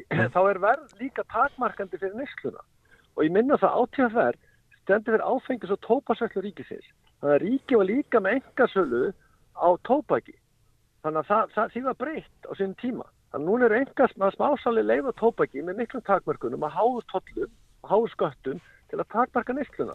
En, en og aftur, aftur ertu náttúr- en og aftur, aftur ertu nú með rámt mál sko því að sko Já, það átjáfaferð er ekki með sko smásölu og tópaki sko þeir eru með heilsölu eins og þeir hafa alltaf verið þannig að þú ég- voru að Já, kynna má- þið betur á Ég því greip ekki fram með fyrir því. nei, nei, leiðum Egilur að halda fram. Já, það ég bara taka það. Það var líðhelsu sjónum á sínum tíma Mhm. og það, það var þetta peninga. Það er það nákvæmlega.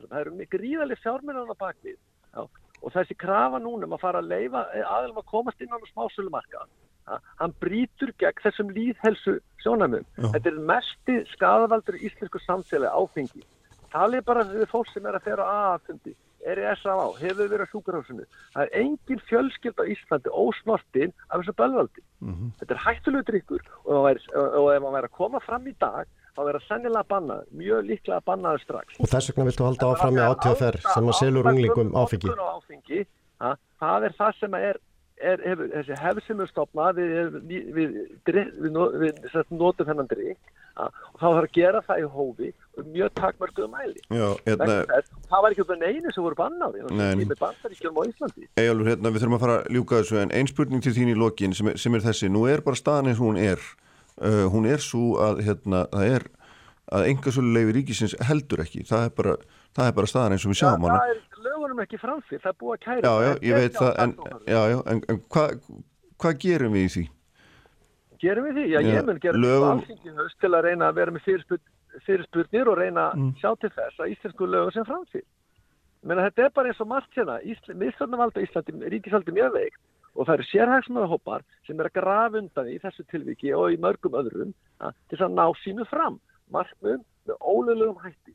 Þarna er að vita að allir íslendingar að það er búið að vera engasal og áfengi til 1922. Mm. Áratugum saman. Það var ekkert að gerast núna árið 2023 sem leiði þess að, að, að það er opnað allar flóðgáttir.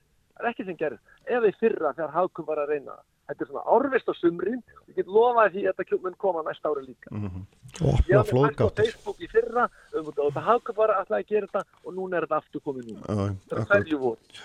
Eins og ég segi sko að ég meina e ef að Egilur raunverulega væri andum uh, líðhelsu þá myndi hann láta ge gera kröfum að átjáfaferðir í lokað. Það er nú bara einfalt. Ég er einnig mjög aftur í þessu og þú ert bara að fara í pólitík og berjast fyrir þessu. Ég væri mjög tilbúið að taka rökraði við þig á alþingi um, um þetta mál. Herði, hérna, við komumst ekki lengri í bíli en það er allavega ljóst að hérna, það, eru, það eru breytingar í farvatninu óháð því hvort að lögin breytast eða ekki. Ég held að við hérna, Já, það er bara framfylg íslenskum lögum. Þessu búið að akkurat. gera núna í hundra ár. Já, en, en menn Þau eru eru ekki búin að breyta. Það veit, það veit að allir, eru ekki búin að breyta. Það En- er búin að breyta, þau eru ekki búin að breyta lög.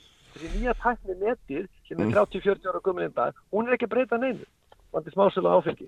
Nei, ok. Herði, bestu þakkir Ejólfur fyrir að vera með okkur Já, og takk fyrir, takk fyrir að koma Arnar. Já, það- það er- Þessaður og hérna, ég held áfram hérna á eftir verður hjá mann Henry Alexander Henrysson. Sælir aftur, hlustandi góðir og höldum áfram hér svona á lokasprettinum og sprengisendinum þennan sundaginn þeir eru farnir frá mér hér eftir fjöru umröðu Egilur Ármannsson og Arnar Sigursson það sem að verið var að takast á um fyrirkomulega á áfengisölu sem er nú greinlega breytingum undur orfið í augnablikinu þrátt fyrir að lögum hafi nú ekki verið breytt. En í símanum uh, hjá mér er Henry Alexander Henrysson sem er, er hérna einn af uh, þeim sem situr í fagráði um velferð dýra, sætla blessaður Henry. Já, er þess. og hérna takk fyrir að vera með mér. E, Mín er á næn. Sko þarna þetta fagráðan velferð dýra hefur nú kannski ekki verið svona þekktasta fyrirblíðið í landinu þar til fyrir örfáðan vikum að það hérna það komst í, komst í fréttir hérna eftir að, að matvælar á þeirra uh, uh, nefndi það sem svona eina höf, eða álit þess sem eina höfur auksundum fyrir því að fresta kvalviðin fram á haust. Og hérna og svona það hefur verið aldrei mikið deilt um það hversu áhrifa mikið eða, eða, eða stöðu þessa fara sér raun og verið inn í stjórnkjöfinu og hvernig negi svona fara með álit þess og, og þú situr í þessu. Hvað hérna, hvaða hlutverk hefur þetta fara og svona raunverulega að yk- þín og ykkar mati? Þetta svo kallaða fagráð eins og, Já, sumir, segja já, já, já. Já, ég ég, ég fekk senda skjáminn líka frá því að það var, var að þingmaður sem kallaði okkur alveg sérstaklega lágt setta nefnd. Já, akkurat, já, já, Þannig að þetta er búið að vera svona stemning að gera sem vinst úr starfi ráðsins. já, En jú, en náttúrulega það sem, það sem fagráðan velferð dýra gerir fyrst og fremst og aðal hlutur ráðsins er að gefa leiði fyrir tilraunum og rannsóknum á dýrum. Það er sem sagt þannig, þannig starfsemi vísindastarfsemi leifir skild og við þurfum því miður að nota dýri, dýri vísindastarfi og það er sem sagt helsta hlutverk okkar og kannski mestur okkar tími fyrir það. En svo eigum við líka að veita sem sagt matvælarstofnun, uh, MAST er ágjöf og oftast er það þannig að málum er beint til okkar frá matvælarstofnun. En svo getum við líka einstakir ásmenn eh, tekið upp mál og það gerir stundum og svo er bara alls konar hvernig samstarf okkar með mast gengur hvort að þessi rákjöf okkar sé tekin upp eða ekki, það er stundum ágreiningur um okkar rákjöf. En þetta er búin að vera svona, ég er nú búin að sitja hérna í ára tuga eitthvað svo og þetta hefur nú bara verið afskaplega áhugavert starf og, og mikil vinna og mjög áhugavert. og hefur svona farið kannski frekar látt þangað til, þangað til núna Já, náttúrulega mestu samskipti okkar eru við, uh, eru við bara rannsakendur, vísindafólk í landinu, uh, fyrirtæki sem er í einhvers konar þróunastarfi og þurfum náttúrulega að gera tilraunir, þannig að það er náttúrulega kannski þeir sem tekja okkur best og starfa okkar.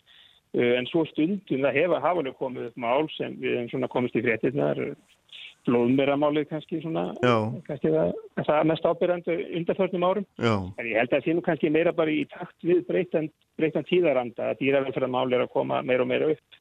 Það sem var ekki talað um fyrir kannski til ég að byrja ráðinu fyrir, fyrir tíu árum, það er bara að fara að tala um það núna, þannig að þetta er búið að vera svona alltaf meira og meira að, að álit okkar og umfjörðunar efni komast í fjölmiðla. já en hv- hver er í raun að vera svona stjórnskipuleg staða uh, hérna, þessa, þessa ráðs því að, að það er þetta ljósta matvælar á þannig að vísar mjög indreið í ykkar álit sem grundvöld að þessari frestun og hérna og þess vegna þetta kvikna svona þessa spurning hver, hver er eiginlega ykkar staða? Já, við tökum náttúrulega ekki ákvarðan, við erum ráðgefandi. Nei, nei, Nema, nema hvað var það leiði fyrir tilraunum, þar eru við bara svona stjórnvald sem tekur ákvarðanir og það er annarkot leiði eða ekki. já því heimili, Eh, heimili, annars- heimili, heimili það sem sagt. já, já, eða ekki. Já, heimild eða ekki, en svona þegar við erum í okkar ráðgjafa hlutverki, þá erum við bara fyrst og fremst í ráðgjafa hlutverki. Það er ekkert búið að, eins og sumir hafa reynd að gefa í skinn, það er ekkert búið að framselja neitt ákvörðunavald til einhver látt setta nefndar, þó að við séum fengið til ráðgjafar. mm, En fagráðið er einfallega þannig, þannig svona fyrirbæri að það er líklega ekkert betra, ekki betra ráð í landinu til þess að fjalla um dýravelferðarmál. Og ef það þarf að fá svona djúpa umfjöllun um dýravelferðarmál þá fer best að því að það sé sendið þessa fag- fagráðs en það skipað með lögum og, og, hérna, og skipaður á þeirra síðan og, og tryggt að það sé mjög yfirbryft mikil þekking á dýra velferðarmálum innar ásins. Mm. Sko þegar, þegar þetta mál kemur upp og hérna þá þá, þá er í raun og veru, er það ekki rétt skilja með bara einn grundu allar svona spurning sem er til umfjöllunar sem er, er þessi spurning hvort hægt sé að tryggja mannulega aflífun, aflífun stórkvela við, við veiðar. Það er svo spurning sem að ykkur er gert að svara eða minnst þú veist svona leiða líkum að, að hvert svari getur verið. Já og þetta er ein, eins og þú segir einföld spurning og raun og veru bara einfalt svar. En þó að svarið sé einfalt þá var ekki þannig að það hefði bara verið það hefði verið ákveðið á einu stuttum fundi. Þetta tók nú marga vikur að komast þessari niðurstuðu mm. uh, við náttúrulega höfðum þurftum að lesa nákvæmlega skýrslun, eftirlýtskýrslun sem unni svör kvalsáð því þeirri skýrslu og svo svör maturlöfstofnunar við svörum kvalsáð við horfum náttúrulega öll myndböldi sem tekið voru upp mjög nákvæmlega allir áðsmenn og það var nú ansið mikið tíl sem fór í það. Mm -hmm. uh, og svo svona lestur og fræði efni í kringum þetta.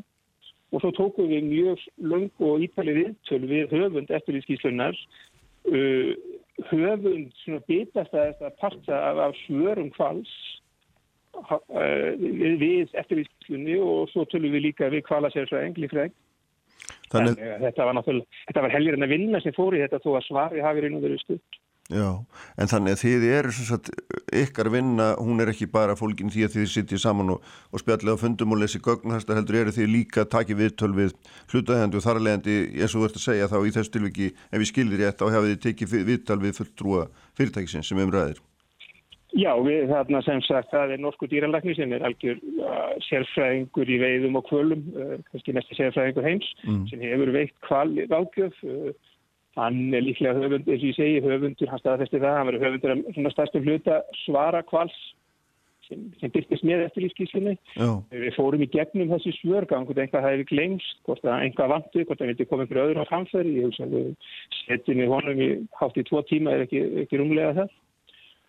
Og fórum í gegnum þessi svörkvals á það og, og, og hans púta þar, það sem hann hafi lagt fram og við fórum líka yfir efni, spilin á spurninga en útgefis hæði efni sem hann hefur skrifað sem við reyndar vittnum svo í, í okkar áliti eða sem sagt þegar við svörum þessari spurningu.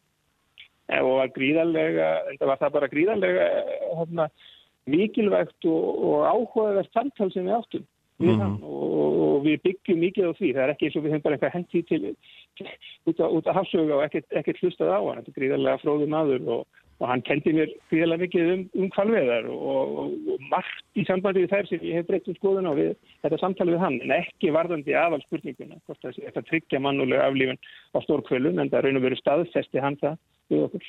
Já, hann, hann sess að þessi... Það er ekki hægt að tryggja, tryggja það. Já, þessi sérfræðingur hefur sem staðfesti það nákvæmlega og þið byggið þá að einhverju leiti eða stóru leiti eitthvað mat á hans hans framsningu ef er það þá rétt skilið? Já og, já, og reyndar líka útgefnu efni eftir það mm. svo er bara spurningin sko hvað, hvað hérna þegar við erum beðurum að, að svara þessar spurning hvort það sé að tryggja þessa mannúðlegu aflífun við heiðarnas uh, svo er bara spurning hvort að sé hvort, hvort að fólki finnir það mikilvægt að það sé að tryggja það ekki Já, já, svo er það annars spurningu auðvitað. En sko það sem að við, eins og nefnir svarið ykkar en eða álítið ykkar öllu heldur væri nú betra að segja, er, er kannski ekkit, ekkit ótrúlega ídalvægt, þetta er einhverja tvær blaðsýður svona uh, cirka og hérna og það er náttúrulega, maður sér það að það er, þið til dæmis er ekki í því að vittna í lagagreinar, uh, þið, þið eru ekkit, ekkit að því, það er ekki, maður sér ekki af skýslunni að þið hafið svona uh, sko farið í, í, í þetta, þennan andmæla rétt, það er ekki hérna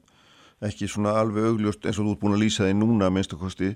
En ég minna er, er sko hérna en þetta þetta mat sem er á milli hvað maður segja hérna uh, sko ykkar álits annarsvegar og svo svona stjórnarskar varina réttinda manna til þess að stunda eitthvað tiltegna aðrústar sem ég, ég minna það er heldur ekkit farið ofan í þá, það er kannski ekkit á ykkar borðið eða hvað Nei, það er, það er alls ekki okkar borði og, og ráðið er ekki byggt þannig upp. Við fáum lögfræðilega ráðgjöf mm -hmm. frá maturlastofnun, við erum með starfsmann sem er lögfræðið mentu Uh, það er eitt lögfræðingur reyndar í, í ráðinu. Þess að sérst í, í bókun viðkomandi sem er svona ákveðna vangaveltur í sambandi við þetta saman. Já, en, en við erum fyrst og fremst að, skoða dýravelferðarmál og erum að velta, þessu fyrir okkur út frá þeim því sjónarhörni og það er það sem við erum að gera svo tekur náttúrulega sá sem tekur við okkar ráðgjöf við ráðgjöf okkar og svo tekur við ekkert með það að segja hvað ákvörður við tekjum í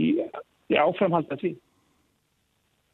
Nei, en, en sko hérna uh, það, það er auðvitað þannig er það ekki að, að í raun og veru uh, leggji þið ykkar álit fyrir mast eða matalastofnun og, og hérna og, og það þarf ekki endilega að vera að þið séu þá sammála uh, því sem þar hefur áður komið fram. Er það algengt að það sé einhver svona einhver, einhver hérna skoðan ágreiningur þetta á milli? Já, já, það hafa alveg komið upp mál þar sem við erum ekki sammála matalastofnun fagraðið og, og, og matalastofnun ekki, sem sagt þetta hefur eitthvað svona örlítið ákveðningu þetta á milli mm. uh, en, en, en það var held ég bara ekki í þessu tilvi, tilviki uh, við hefðum alveg þurft að bara sætt, sætt okkur við það sko, ég ítreka það að þó við náttúrulega veitum okkar álitu það hvort að eitthvað sé ekki samræmi við lögum velferð dýra þá líkur það náttúrulega líka alveg fyrir að við erum ekki dómstól. Nei. Við úrskulum ekki að lokum um lögmæti einhvers og tökum okkur ekki það vald. Þannig að það er mikilvægt að hafa það í huga að lokum verða auðvitað bara dómstólar sem segja til um hvort eitthvað sé ólulegt eða ekki.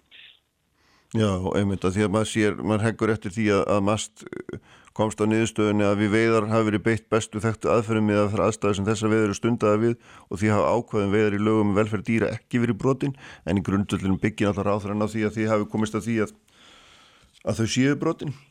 Já, sko, það er kannski líka að hafa því í huga hvers vegna, hvers vegna mast uh, vísar þessu til faráðsins. Uh, eftirlýstíslan er bara eftirlýstíslan, hún er lýsandi um þarna hvað átti sér stað á verti 2022.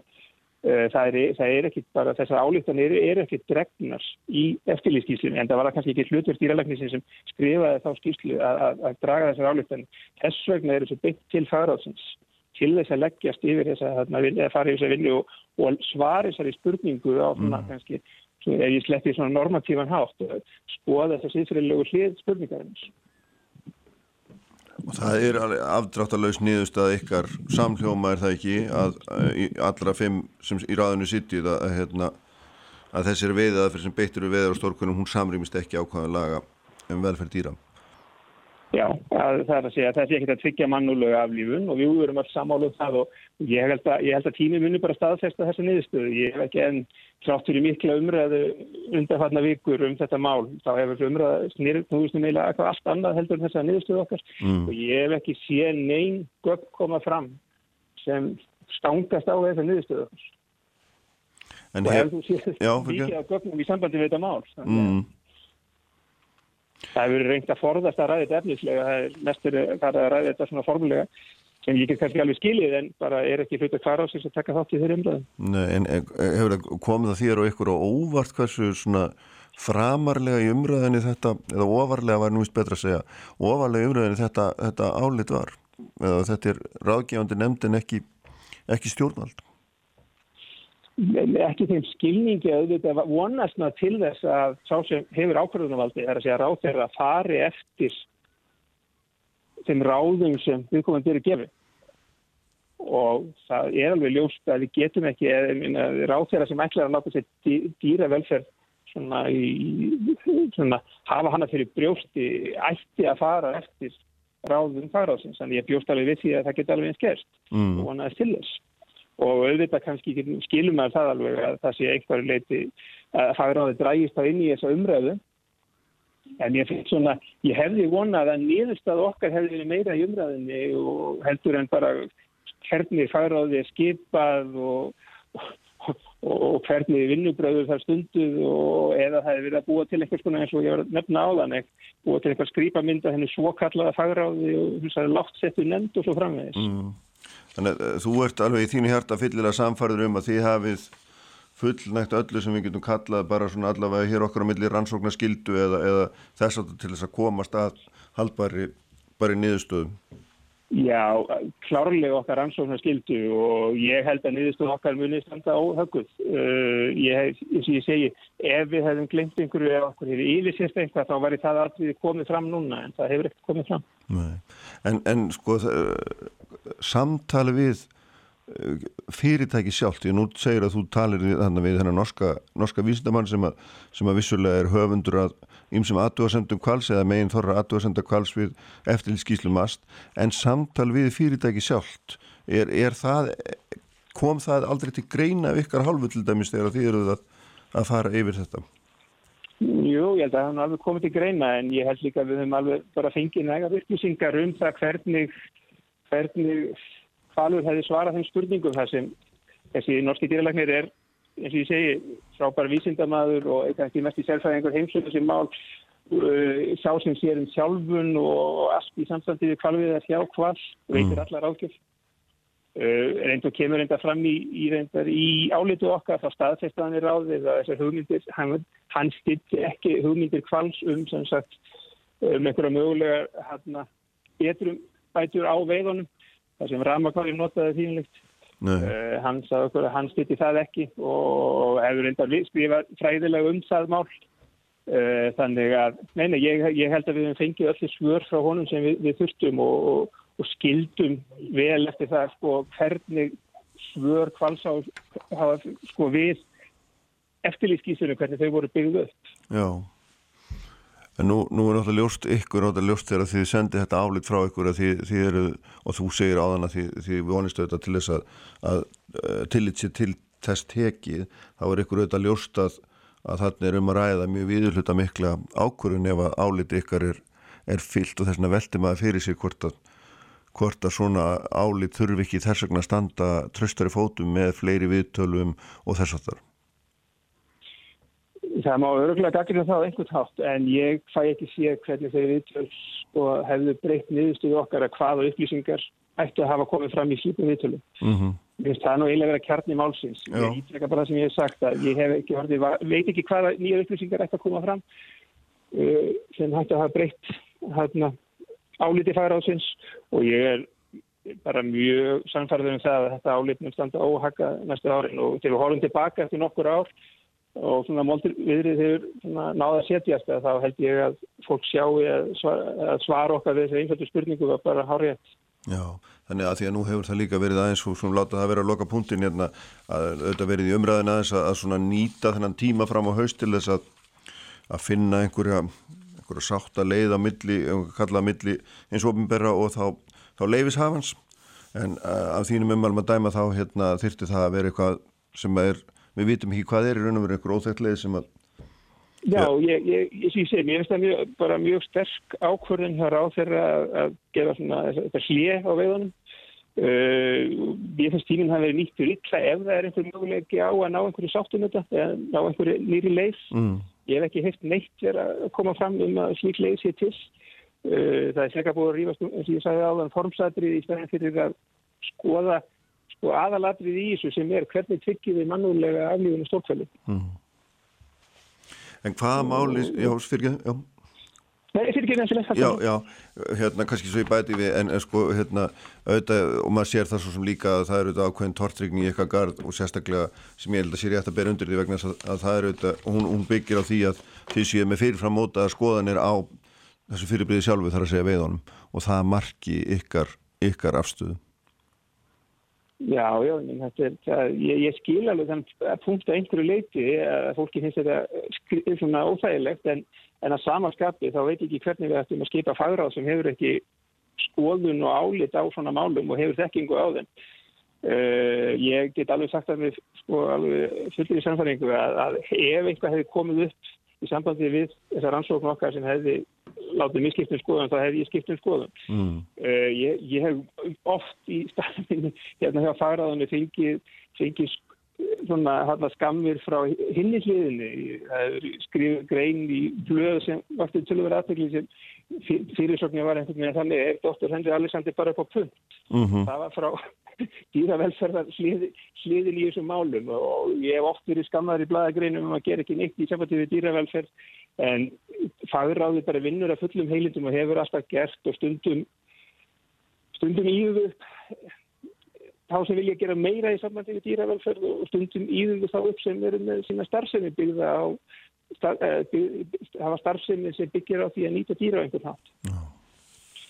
Og, og, og ég höfum bara alltaf og munum alltaf bara leggja alla okkar kraft í það að vinna faglega sinna okkar rannsóknarskildu og komast að málefnalegri niðurstöðu og svo er við alveg til að skipta um skoðun ef einhver gögg koma fram sem kollvarpa niðurstöðum okkar.